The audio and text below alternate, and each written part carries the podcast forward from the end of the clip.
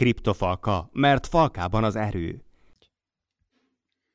Sziasztok, üdvözlök mindenkit a Bitcoin kisokos újabb podcastjébe. A mai napon a bányászat lesz a fókuszba. Aliara és Konrád van ma velem. Sziasztok! Ali! Éppen február 14-e van, Valentin nap, nincs is nagyon szebb nap annál, hogy itt a srácokkal nyomassunk nektek egy jó kis kriptótás podcastet. A bitcoin ára amúgy éppen 49 ezer dolláron van, épp nem érte az 50 ezeret.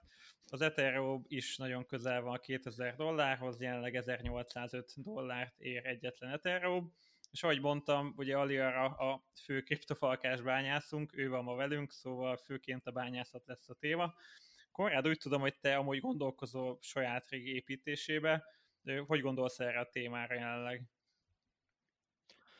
Érdeklődök, mindenhonnan próbálok információt szerezni, ez például nekem is egy jó eset lesz, hogy még többet megtudok a bányászattal kapcsolatban, de eléggé elgondolkodtam már azon, hogy inkább kereskednék, mint hogy bányásznék, de az a jó, hogy most már mindennel is lehet bányászni. Hát igen. De... Hogy most alakul a piac, gyakorlatilag minden is bányá, mindennel is tudsz bányászni, és mindennel is tudsz profitot termelni, és ennek az a következménye, hogy mindenki is bányászna. Igen, azt azért lehetett látni itt a hetekben, hogy nem tudom, a kriptoadok veszek, mert mindenféle hardware aprós csoportokból. Néha már én is ránézek itt a hirdetésekre, és kigúbod a szemem, amikor meglátom az árakat itt a videokártyák mellett. Mit lehet... a sírás kapja. Igen, mit lehet látni Aliara itt a piacon, hogy van videokártya, vagy egyáltalán nincsen semmi, és csak iszonyat horror áron mennek, de hogy látod ezt? Hát én inkább úgy látom, hogy semmi nincsen, és ami van, az is iszonyat horrorárom megy. Hát ma igazából három hirdetés volt, amit mellett így nem nagyon tudtam elmenni, mert ugye bár Facebook meg minden, úgyhogy nekem is dobálja fel az érdeklődési körömhöz kapcsolatos dolgokat. Egyszer láttam 250 ezerért egy 580-as RX-et, most ezt így hozzáraknám, hogy mondjuk 2017-8-ban, amikor az nem volt egy elavult kártya, szóval nem kettő generációval régebbi kártya volt, mint most, akkor is ilyen 150-200 ezer forint között volt a csúcsára. Most azt ma láttam 250 ezerért újra. Hát most nyilván azt, szerintem mindenki tudja, hogy mit gondolok, plusz azt még hozzáraknám, hogy ez egy XFX volt, ami igazából tök jó, meg minden, de hát azért az nem egy prémium kártya, szóval azt a kártya, azokat a kártyákat arra tervezik, hogy minden tudjon, amit mondjuk egy ROG Strix, de legyen jóval olcsóbb. A másik egy 170 ezeres használt kártya volt, hát az, ahhoz se tudtam már hozzászólni, de viszont láttam itt az előbb 2,8 millióért egy 300 MHz-es liget. Na, az viszont már tényleg kemény, ugye az a rig, az 3080-as kártyákból épült fel. Most azt tudni kell, hogy ezeken a e, videókártyákon DDR6X RAM van, ami gyorsabb, mint egy sima DDR6-os RAM, és a DDR6-os RAM alapból sokkal jobban melegszik, mint egy DDR5-ös RAM, és a 6X az még jobban melegszik, mint a 6, sima 6-os. Nálunk, ami ilyen kártyánk van, szóval mi azzal kezdtük, hogy a gyári padokat mind kidobtuk a francba, raktunk rá prémium padokat, és úgy tudjuk hardware info szerint magas ventilátoron 25 fokon 90 fok alatt tartani ezeket a memóriákat. Szóval az lehet, hogy megveszi a user, beteszi a gépbe, és akkor azt látja, hogy hú, 35-40 fokos a kártya, milyen jó, de közben a RAM az meglesül. Úgyhogy ilyen kártyákat alapból nem is ajánlanék kezdőknek, hát ez árazáshoz inkább nem is szólok hozzá. De ez azt is jelenti amúgy, hogy a jelenlegi kártyárak mellett úgymond, aki most beruház bányászgépbe, annak úgymond nem is fogja reális időn belül visszatermelni, vagy... Hát ugye ez most ebben a pillanatban teljesen jól hoz ez a gép, szóval ha. hogyha úgy számolod, akkor hogyha ezen az irreálisan magas áron is megveszed az egész gépet, amit tényleg, hogyha többi alkatrészre inkább ki sem megyek, mert azok is teljesen túl vannak árazva, hát olyan 8-9 hónap alatt meg tud térülni ez a gép a jelenlegi árfolyam mellett, viszont itt a piaci ciklusokkal is kicsit tisztában kéne lenni, és akkor visszamenőleg azért ajánlanám ugye a kriptofalkát magát minden bányásznak, hogy tisztában legyen a piaci ciklusokkal, de erre még ki fogunk későbbiekben térni, úgyhogy hallgassátok.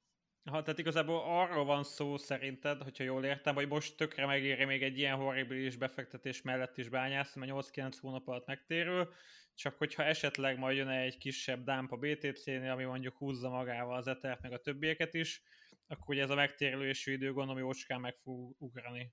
Igen, jócskán meg fog ugrani. Hát gyakorlatilag nekem volt egy régem, amit én 2017-nek a legfomónak a legnagyobb csúcsán vettem meg, és azokat a kártyákat is, jó, most már kb. háromszoros pluszban van az összes, mert ugye már itt van egy újabb, újabb bika piac, és háromszoros éterár, meg minden, de azért ott is volt egy másfél év, amikor úgy néztem ezt a gépet, hogy hm, hát ez soha nem lesz meg, és viszont 2017-ben ugye nem voltak olyan hát időzélben fenyegetések így az Ethereum bányászat iránt, mint amik így most vannak. Ugye itt egyrészt az ASIC-ok, 2017-ben, ami kijött az E3-as ASIC, az igazából 180 MHz tudott, és uh, ugyanannyit fogyasztott, mint egy rig. Szóval annyit nyertél, hogy vettél egy ASIC-ot, hogy azzal nem kellett szórakozni, bedugtad a LAN kábelt, kapott egy kis áramot, és belőtted és működött. Uh, amíg egy riget állítgatni kellett, figyelni kellett a hőmérsékletre és minden egyébre viszont a mai aszikok azok azért már jóval fejlettebbek, mint ez az E3-as aszik volt.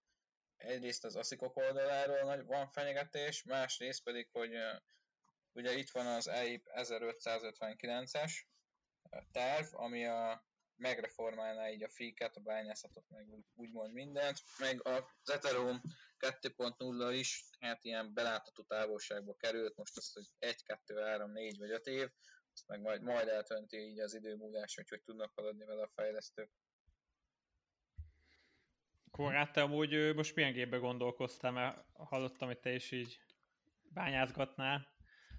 Hát én most leginkább pont azt a kártyát keresném, amit mindenki keres például, 5700 XT-ket, hogy így azoknak számogattam a royját, hogy megérni, meg ilyen 9 kötője 12 hónapon belül visszahozna az értékét, hogyha tartaná persze ezt a piaci árat, jelenleg az Ethereum és bármilyen altcoin, de az a probléma, hogy nem valószínű, hogy ez tovább is fenn fog maradni.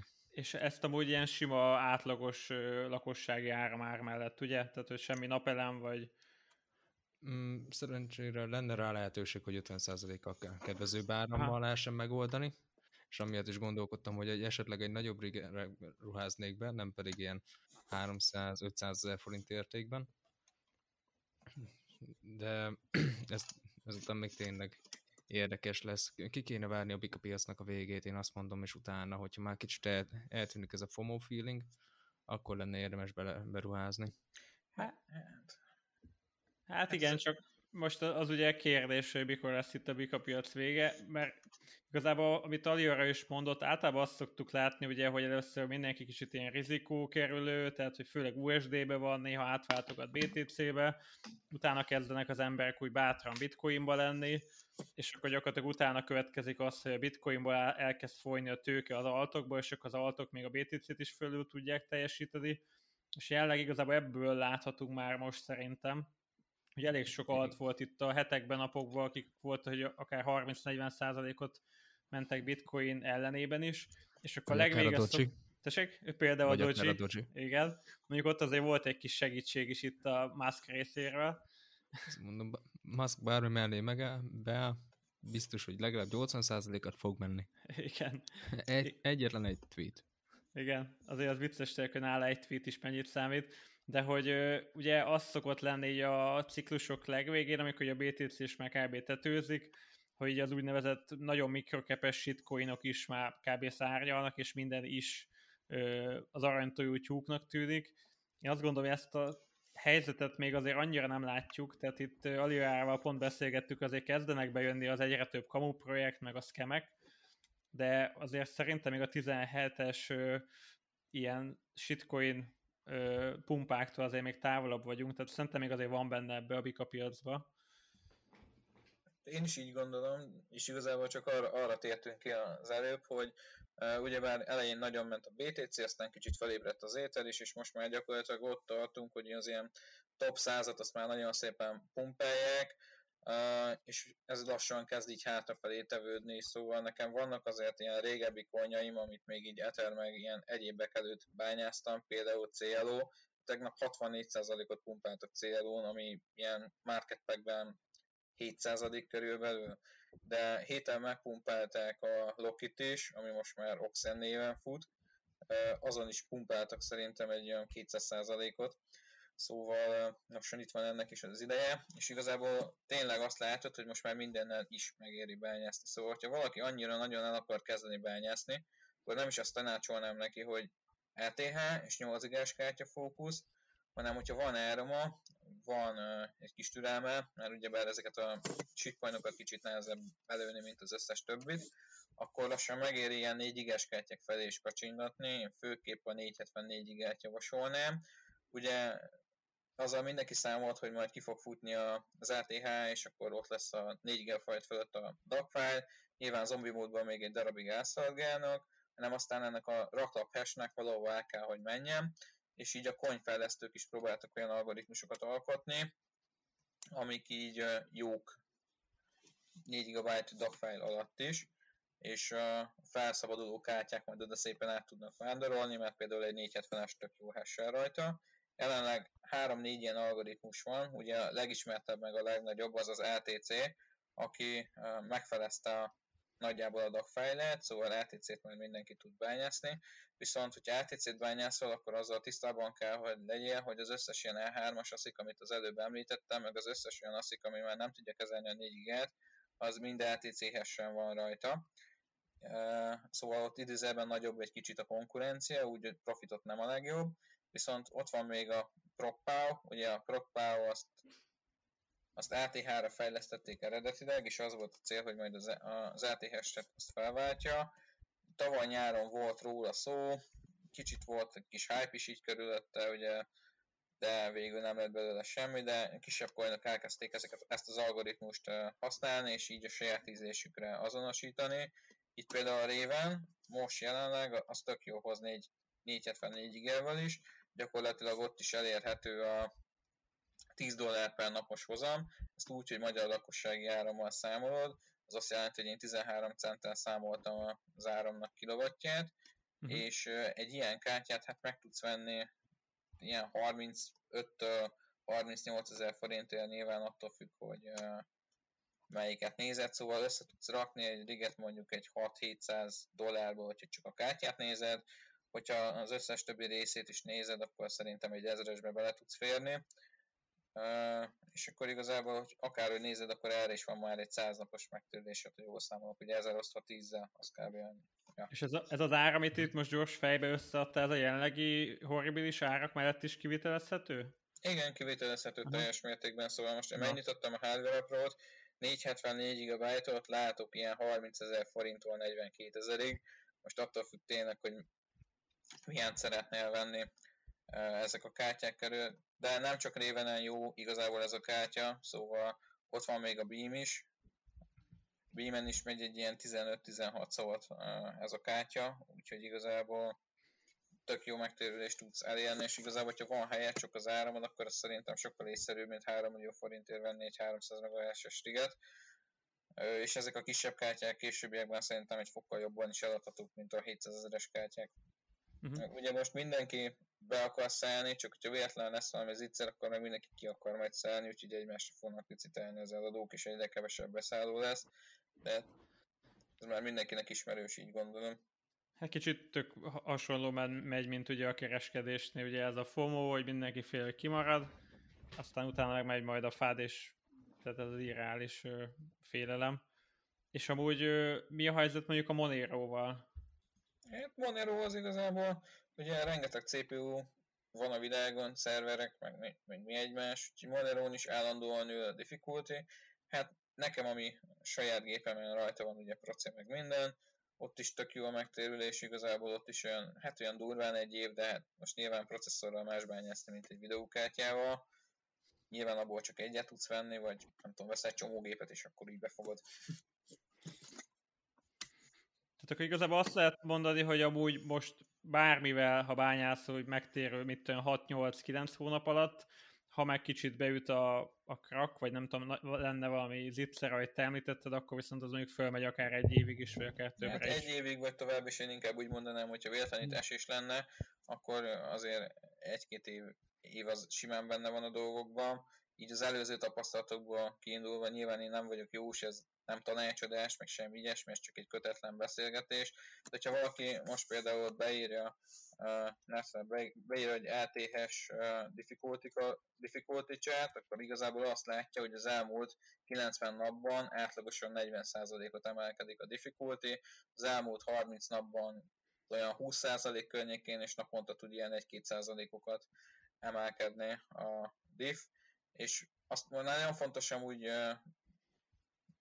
kihangsúlyozni, hogy jelenleg ugye minden LTH-nál van, blokkonként van egy rivád, és a rivád az már sokkal kisebb részben jön a fix block rivádból, inkább az ilyen küldési fik meg egyébbek adják mostanában azt az LTH-t, ami keletkezik, és igazából ezért nagyon drága a küldés LTH blokkláncon belül jelenleg, mert ugye azt mind szétoszták fiként bányászoknál.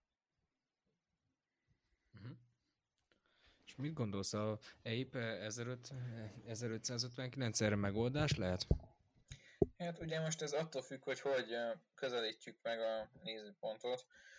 Most az összes Ethereum alapítónak, vagy ilyen fődevnek rengeteg LTH-ja van, nyilván ők is a saját érdekeiket nézik szerintem, sokkal egyszerűbb lekötni valahova, ami fixen hoz valamit.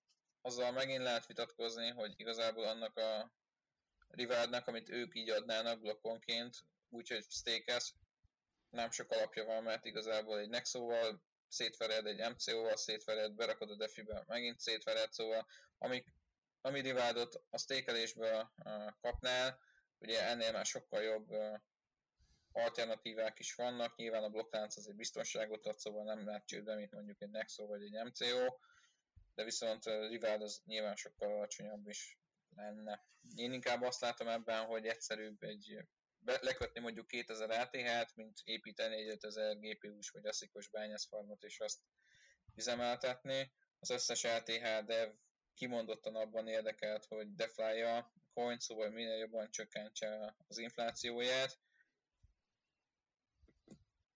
és igazából erre egész jó csátok is vannak, mert hogy ugye az indult úgy, hogy először elkezdték a blokkrivádokat csökkenteni, és úgy jutottunk el odáig, hogy már csak kettő a blokkrivád, de ez volt 5 is, 6 is, 10 is, szóval sokkal több, és csökkentések után az ATH-nak az ára hát általában nem emelkedett, hanem pont csökkent, mert ezt így sikerült mindig a medve piacba belecsökkenteni. Én igazából, ahol esélyt látnék arra, hogy csökkenjen a rivád, a jövedelmezőség csökkenjen, hogyha ugye ezek a DeFi coinok és az egyéb coinok, amik az LTH blokkláncon pörögnek, ezeknek a használtsága így drasztikusan csökkenne, és akkor ugye kevesebb fi oszlana szét a bányászok között, mert a block reward az 2, egy átlagos blokk mostanában olyan 5 és 8 közötti, úgyhogy a maradék 3-től 5 az igazából fi mind.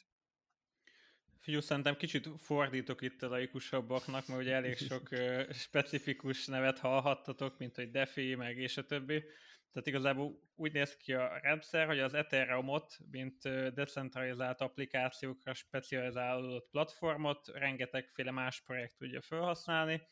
Ugye ők ezek a decentralizált finance, tehát az ilyen decentralizált pénzügyi szolgáltatók, akik mindenféle szolgáltatást tudnak magára az Ethereum-ra építeni, ez lehet mondjuk egy hitelezés, vagy bármilyen pénzügyi szolgáltatás, amit amúgy a banki életből ma is ismerünk, csak annyi, hogy maga ez az egész rendszer is decentralizált, tehát nem csak maga a fizetőeszköz, mint mondjuk bitcoin, hanem akár maga egy tőzsde, tehát az is lehet akár decentralizált, és ugye az egyes ilyen DeFi tranzakciók és okos szerződésekhez úgymond az Ethereum hálózatát kell használniuk ezeknek a projekteknek, és itt a, a felhasználók száma gyakorlatilag szinte parabolikusan lő ki az egekbe, és ezzel párhuzamosan ők elég durván használják az Ethereumnak a rendszerét, ami ugye oda jutott, hogy tényleg szinte maguk a fik, tehát az utalási költségek és az okos szerződések költségei szintén horribilis értékűek. Én is volt, utaltam Ethereummal a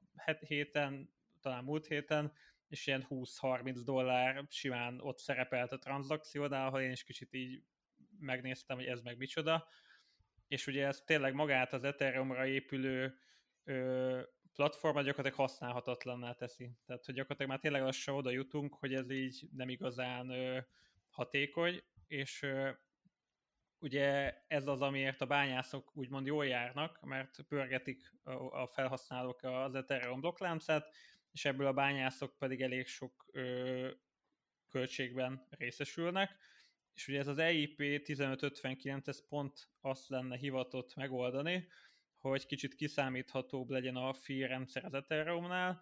Hát jelenleg ugye úgy néz ki az egész ö, fi hálózat, hogy gyakorlatilag egy aukciót kell elképzelni, aki többet ajánl, annak a tranzakciója mondjuk mint egy utalás vagy okos szerződés fut le előbb, és hogyha valaki pedig esetleg alul árazza a tranzakcióját, akkor lehet, hogy úgymond be is ragad maga az az utalás, és sosem fut le.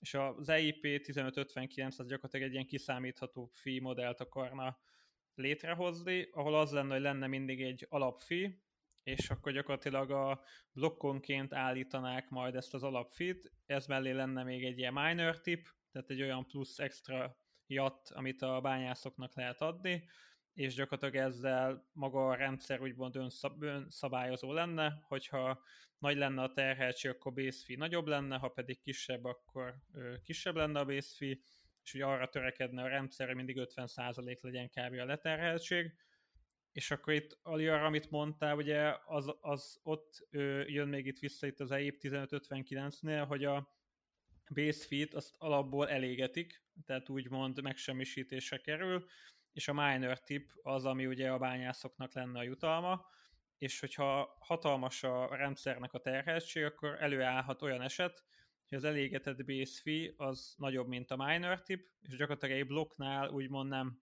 Ethereum többlet jön létre, hanem mínusz, tehát hogy csökken úgymond az Ethereum készlete, és ugye ez meg ugye egy deflációt idézhet elő, ami szintén a token holdereknek ugye jó hír. Igen, viszont az fontos úgy is nézni, hogy én elég sok coin szóval én 2017-ben nem igen bányáztam se RTH, se RTC-t, inkább ilyen kisebb coinokat bányáztam, mert akkor ugye azok sokkal jobban megérték. Nagyon sok coin vezette be ezt, hogy na majd akkor nem 5 lesz, hanem lesz 4,2 például RTC, és hiába csökkentette úgymond a block divide zárnom semmilyen hatás nem lett. Gyakorlatilag annyit sikerült elérni, hogy ugye a bányászok száma az leesett, és így a hálózatnak a biztonsága és a sérülékenysége is jelentősen csökkent. Ezt utoljára RTC játszott el, amikor 5,2-ről lecsönkentette 4,2-re, és nem érte meg RTC-t bányászni, és ugye akkor volt az az 51%-os támadás, mivel 2 millió dollárból tudtak annyi hash bérelni, hogy átvették a hálózat felett az uralmat, és igazából azt hitelesítettek, amit akartak. Úgyhogy gyakorlatilag oda sikerült ezzel a csökkentéssel eljutni az RTC-nek, hogy kapott 351%-os támadást, három hétre lezárt az összes tőzsde a beutalást, kiutalást, és ilyen 20 ezer firmok, meg ilyenek voltak, hogy jóváíródjon az RTC ugye a számládon, illetve hát valamelyik azt hiszem delisztelte és valamelyik nagyobb, szerintem Coinbase tette az RTC-t, hogy van RTC most Coinbase-en? Fú, ezt most nem tudom. Aha, valamelyik nagyobb, nagyobb, azt tudom, hogy delisztelt, és ez miatt az RTC-t az 54%-os támadások miatt. Szóval, hogyha nyilván RTH-n is hirtelen 8-ról mondjuk beesne 3-ra mondjuk a block reward, akkor a profit is úgymond a felére csökkenne, ami szintén egy ilyen félig meddig apokaliptikus valamit idézne elő, szóval aki megvette a videókártyákat most 2,8 millióért, az azzal szembesül, hogy 8-9 hónapról átolódik a megtérülése mondjuk ideális esetben 18-9 hónapig, ami még mindig nem tragédia, szóval senki nem tud mondani olyan befektetést, ami két év alatt visszahoz az árát. Gyakorlatilag, hogyha azt nézed, hogy ott marad egy géped, akkor igazából 150%-ot hoz neked két év alatt, és csak annyi a dolgot, hogy adjál neki netet és áramot. De az, az hozná magával azt is, hogy aki nem olyan anyagi helyzetben van, vagy mondjuk hitelt vett fel, vagy kölcsönkért, vagy nem tudja fizetni az áramszámáját, mert kicsit elszaladt vállaló, ő elkezdi önteni a piacra szépen a videókártyákat, és a 2,8 millió forintos tiged már nem ér semmit, vagy nem, ér, nem úgy mondom, hogy nem ér semmit, de már csak egy milliót ér és gyakorlatilag egy nyár van, ahol itt beütött az EIP 1559. Igen, igazából én azt látom, hogy főleg azoknak rizikós ez a történet, akik mondjuk, nem tudom, nem túlságosan jó áramdíj mellett bányásznak, tehát mondjuk nem napelemmel, vagy ilyen-olyan forrásból, illetve ugye nagyon kicentizik ezt a vásárlást, és ugye nem tudom, a tőkéjük jó részét csak ebbe fektetik, és úgy mond, hogy ha, ha el kell adni, akkor nem tudnak nagyon máshoz nyúlni. Inkább azoknak éri meg ezt szerintem még mindig, akik hosszabb távra terveznének, és elég jó nem tudom, áramköltség mellett. Hát igazából, hogyha úgy vagy vele, hogy ez egy sprint, és holnapra gazdag leszel, akkor el se kezd, mert abból biztos, hogy bukás lesz. Szóval ehhez rengeteg kitartás kell. És igen, számolni kell azzal is, hogyha véletlenül nem úgy alakulnak a dolgok, akkor lesz annyi előtt, hogy végignézve, hogy csökken a hardware az ára, és közben folyamatosan bányáztasd, és akkor nyilván reménykedsz abban, hogy majd egyszer fordul a piaci ciklus, mert tényleg nagyon fontos tisztában lenni a piaci ciklusokkal azonosítani a kiszállási pontokat és minden egyéb dolog. Viszont erre amúgy még megoldás lehetne az, hogy ugyebár itt az az alapvető probléma, hogy van egy blokkrivárd, ami tök alacsony, szóval 2 LTH, hogy ezt a blokkrivádot mondjuk felemelik, és mondjuk lesz belőle egy 5 LTH, ami igazából tök jó, mert egy bányásznak még mindig megéri, ugyebár a hálózatnak a biztonsága nem csökken, mert ugyebár ez az RTH deveknek sem mindegy, hogy most akkor hogy állhessük, ha bár az hasít fölfelé, szóval az utolsó 90 napban 40%-kal nőtt, és 90, hát all time high az ilyen 3,2 volt, most már 5 fölött van. Igen, itt, itt meg egy kicsit fordítok. Tehát ugye az van, hogy minél többen bányásznak, minél több decentralizált gépet dobunk be úgymond a közösbe, annál biztonságosabb az egész, mert hogyha jönne egy egyén, és az egészet meg akarná hackelni, akkor neki ennél hatalmas közösségnél kéne több ö, energiaforrást és hardvert ö, befektetnie, tehát minél többen bányásznak, annál biztonságosabb maga a rendszer, ugye annál nagyobb a hash rate, viszont maga a difficulty, tehát a nehézségi szint is ugye nem tudom, hogy párhuzamosan, de eléggé korrelál gondolom a difficulty a hash rate-tel. Tehát hát minél, igen minél többen bányásznak, úgymond annál nehezebb részesülnöd a jutalomból, mondjuk így. Hát meg nem biztos, hogy akkor van a legjobb ideje, amikor mi, szóval ezt úgy kell elképzelni ezt az egész videókártya piacot, hogy ugye vannak a nagyon nagy kereskedők, azok viszik a nagy kereknek.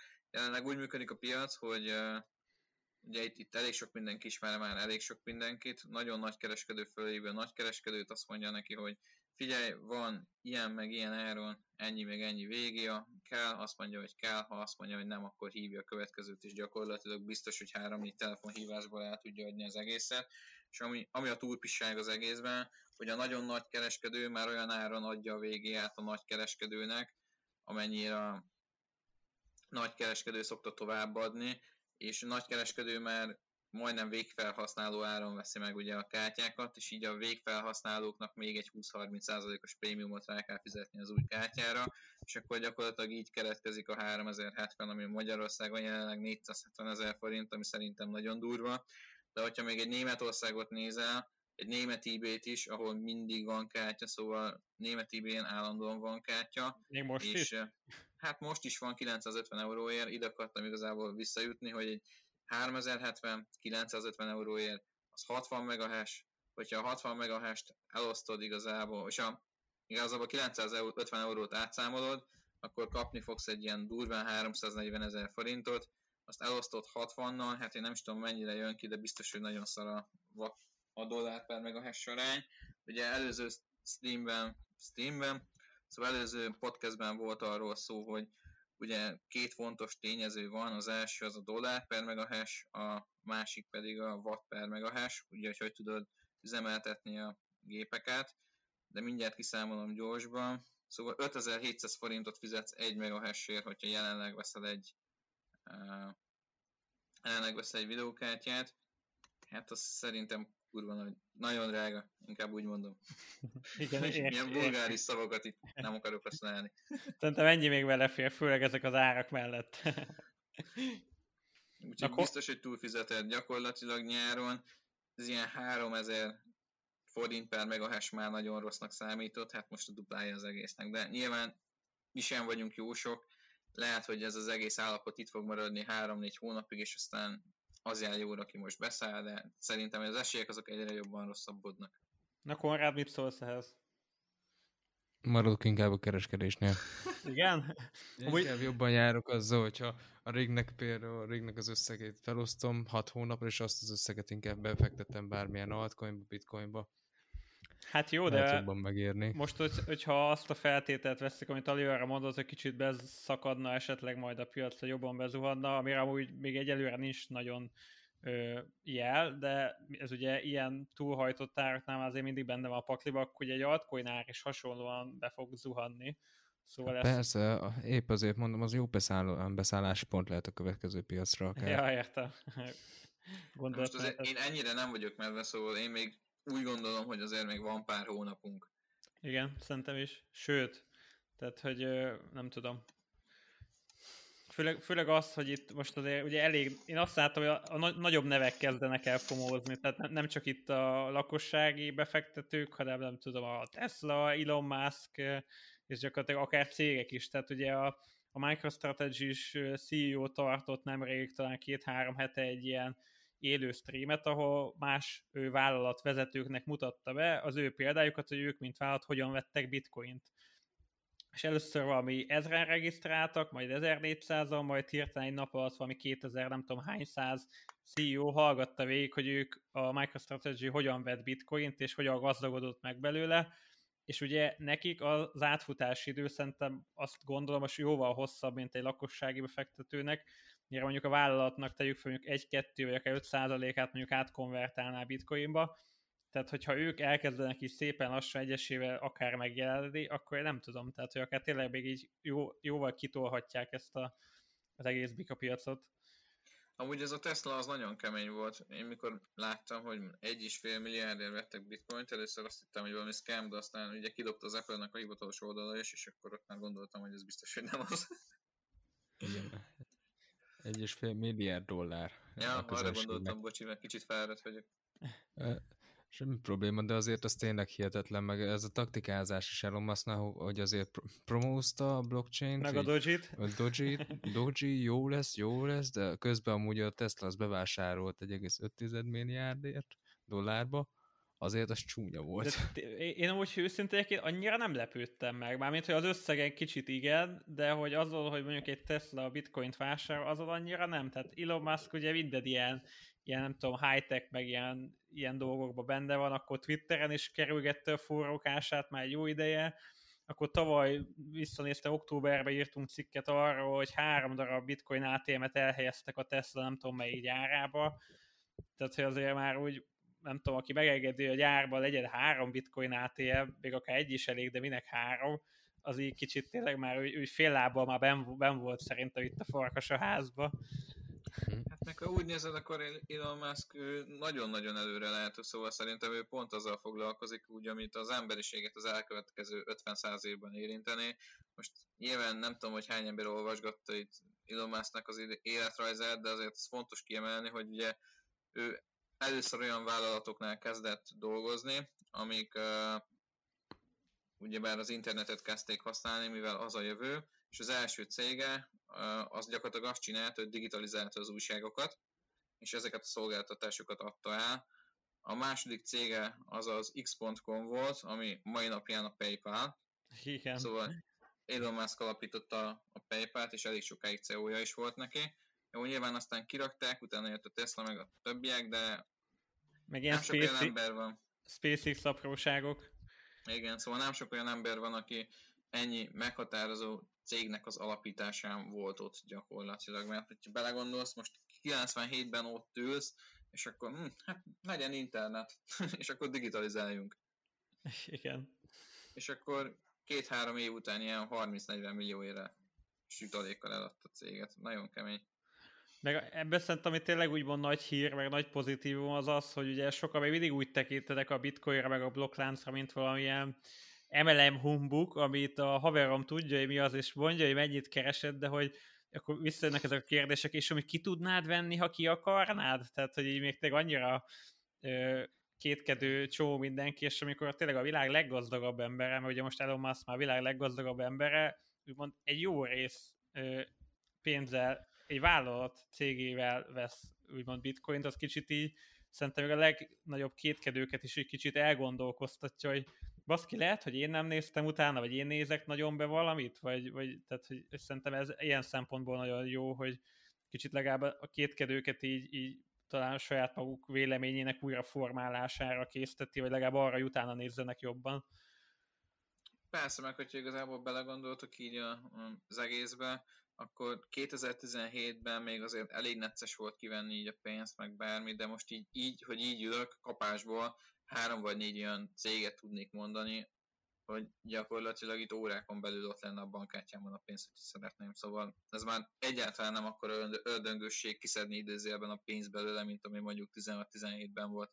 Hát meg főleg, hogy most már itt van a Binance-nek a saját kártyája, tehát lemegyek az ATM-be és kiveszek BNB-ből vagy Bitcoinból akár forintot, elmegyek a boltba, veszek belőle csokit vagy bármit, és én most itt egy jó másfél hónapja használom a Binance-es kártyát, és téged mindenhol elfogadták, és még cashbacket is kapsz. Tehát, hogy tudsz kriptóból költeni direktbe, és még visszatérítést is kapsz.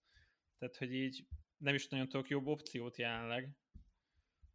Hát igazából én, amire így az évek alatt rájöttem, hogy mindig a piac, minden technológiából ki kell nézni, hogy melyik a piacvezető, ugyanúgy ugye Binance tőzsdeként indul, de már nagyon sok mindennel foglalkozik, és hosszú távon ezeket a tokeneket megéri megvenni, és megéri tartani. Most szintén nem oda szeretnék kikanyarodni, hogy így a napokban fölment 100 dollárra az ár, de ugye mindenki emlékszik arra, amikor ez még ilyen 7-10 dollár volt, és akkor 22-nél beragadtam, és akkor az meg mi legyen.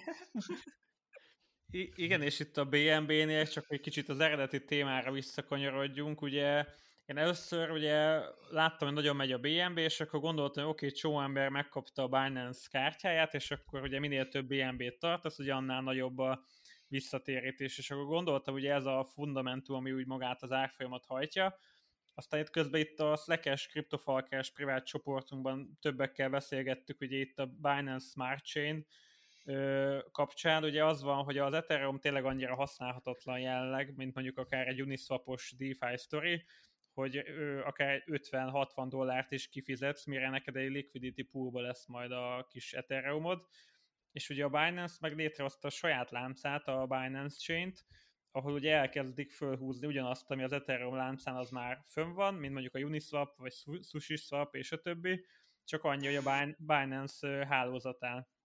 És a Binance-nél jelenleg ugye a terheltség is sokkal kisebb, meg talán hatékonyabb maga a lánc is, és gyakorlatilag ugyanaz, ami megvan most az Ethereum-nál DeFi szinte, az most elkezd fölépülni a Binance-nél is, és ugye ahhoz, hogy te mondjuk egy pancake swap ami olyan, mint a Uniswap, akár mondjuk liquidity, tehát likviditást tudjál biztosítani, ahhoz neked kell BNB.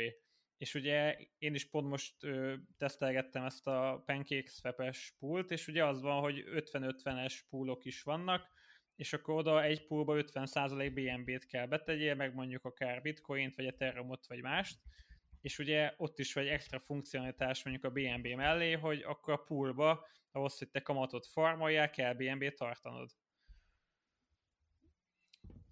És igazából ez egy tök jó alternatíva, és hogyha belegondolsz, amit kibányászol, azt vagy elküldöd Nexo-ékhoz, vagy MCO-ékhoz, vagy pedig Uniswapra, vagy BMW-t csinálsz belőle.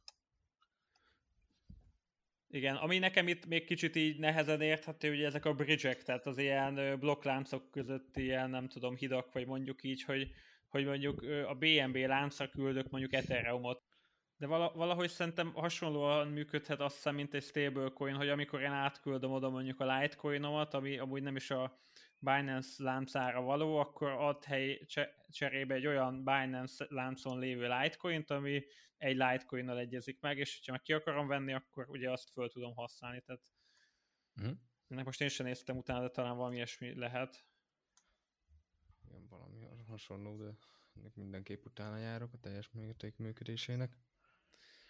Igen. Ö, figyú, szerintem így nagyjából ennyi volt így már a téma. Még olyan kérdés jutott eszembe aljára, hogy sokaknál láttam, hogy már konkrétan laptopokkal is akarnak bányászni, hogy azzal mi a helyzet, aki egy laptopot befog, hogy abba, abba is van videókártya, és akkor én ne bányásszunk vele. Hát nekem egy relatív jó laptopom szokott lenni általában, most kivételesen nem, mert egy csodálatos Intel vagyok rajta, de én azért szeretem a jó laptopokat, és jó laptopokat, jó laptopokat is szoktam tartani, szóval én is tudnék vele bányászni, de nekem ez meg nem fordulna a fejemben, szóval most alapból, hogyha elindítasz, ugye megnézed, hogy mennyire megy fel a hőmérséklet, mondjuk egy laptopban, meg mennyire megy fel egy videókártyában, nem nagyon látom, hogy ez így hosszú ideig feltartható lenne, anélkül, hogy ne károsodjon ugye már az egész laptop. Nyilván le lehet azt is süteni, tehát most kétlem, hogy aki laptoppal akar bányászni, ez berakja a frigiderbe, meg rárak még egy ventilátort itt szikszalaggal az aljára, és akkor hagy hűljön. Pedig láttam olyat, hogy valaki bo- ö, hűtött, fagyasztott borsóval játszott laptoppal, tehát így borsó a laptop alá aztán mehet. Az is megadja a jó kis hűtést. Igen. Ja, meg útközben még megfőzzé neked. Igen, meg egy 10 FPS-sel biztos, hogy majd a végén kijössz. Na, jó van. hogy ezek a laptop hűtők se a legjobbak, mert igazából amit meg aláraksz, csomó van, ami gyakorlatilag kontrába fújja, szóval fújná a laptop felé a levegőt, a laptop meg azzal erőt, pedig kifelé fújja a levegőt. Úgyhogy ilyen necces a laptopoknak a hűtése igazából. De hát most de aki akkor... akar venni videókártyát, az én ezzel, ezzel a gondolatsorral fejezném be, gondolja végig a dolgokat, mindenképpen jó áron vegyen, és szállja rá magát arra, mert ugyebár ezek a készségek, amik fönt vannak Hardware Pro-n is bármilyen egyéb helyen, ugye egy HiOS beállításért kértek 10.000 forintot, ami szerintem nevetséges, mert igazából, hogyha megelőlteted magad, és 10 percig fókuszálsz valamire, vagy tudsz annyira angolul, hogy elolvasod a szöveget, és nyomkodod az okét, akkor ez igazából neked is 10 perc alatt sikerül, egy 10 perces YouTube videó után, és itt az összes alkatrész, ugye, amiket így elhasználnak, túl is van árazva, rá is van pakolva az a plusz, és nagyon nagy rizikó szerintem ebben most ilyen áron beszállni. 4 gigas kártyák igazából még mindig jók, azokat úgy merem is ajánlani, szóval magam is kacsingatok feléjük. Gondoljátok meg, legyetek okosak, és hogyha úgy van, akkor sose húzzátok ki. Hát igazából, hogyha véletlen beüsít a krak, és te hiszel ebben az egészben, mindig jobban járt az, aki nem húzta ki, ment alig, kiválta a következő piaci ciklust, és nem halt meg, nem dőlt be az eter, nem volt kettős költsés, meg minden rajta, és a következő ciklusban eladta, mint az, aki két nap alatt akart meggazdagodni, bepánikolt és eladta fél áron. Tehát akkor nagyjából itt is az a lényeg, mint a kereskedésnél, hogy csak annyit áldozatok rá, amennyit úgymond nem féltek elveszteni, és inkább készüljetek a worst case-re, tehát a legrosszabbra, hogy akár egy-másfél éve a megtérélési idő, aztán úgy, hogyha minden jól alakul, akkor lehet, hogy akár jóval rövidebb is lesz. Ezzel köszönnék nektek, srácok, köszönném így a podcastot, aztán a hallgatóknak pedig szép napot kívánnánk. Sziasztok! Hello, sziasztok! Ali. Köszi. Sziasztok!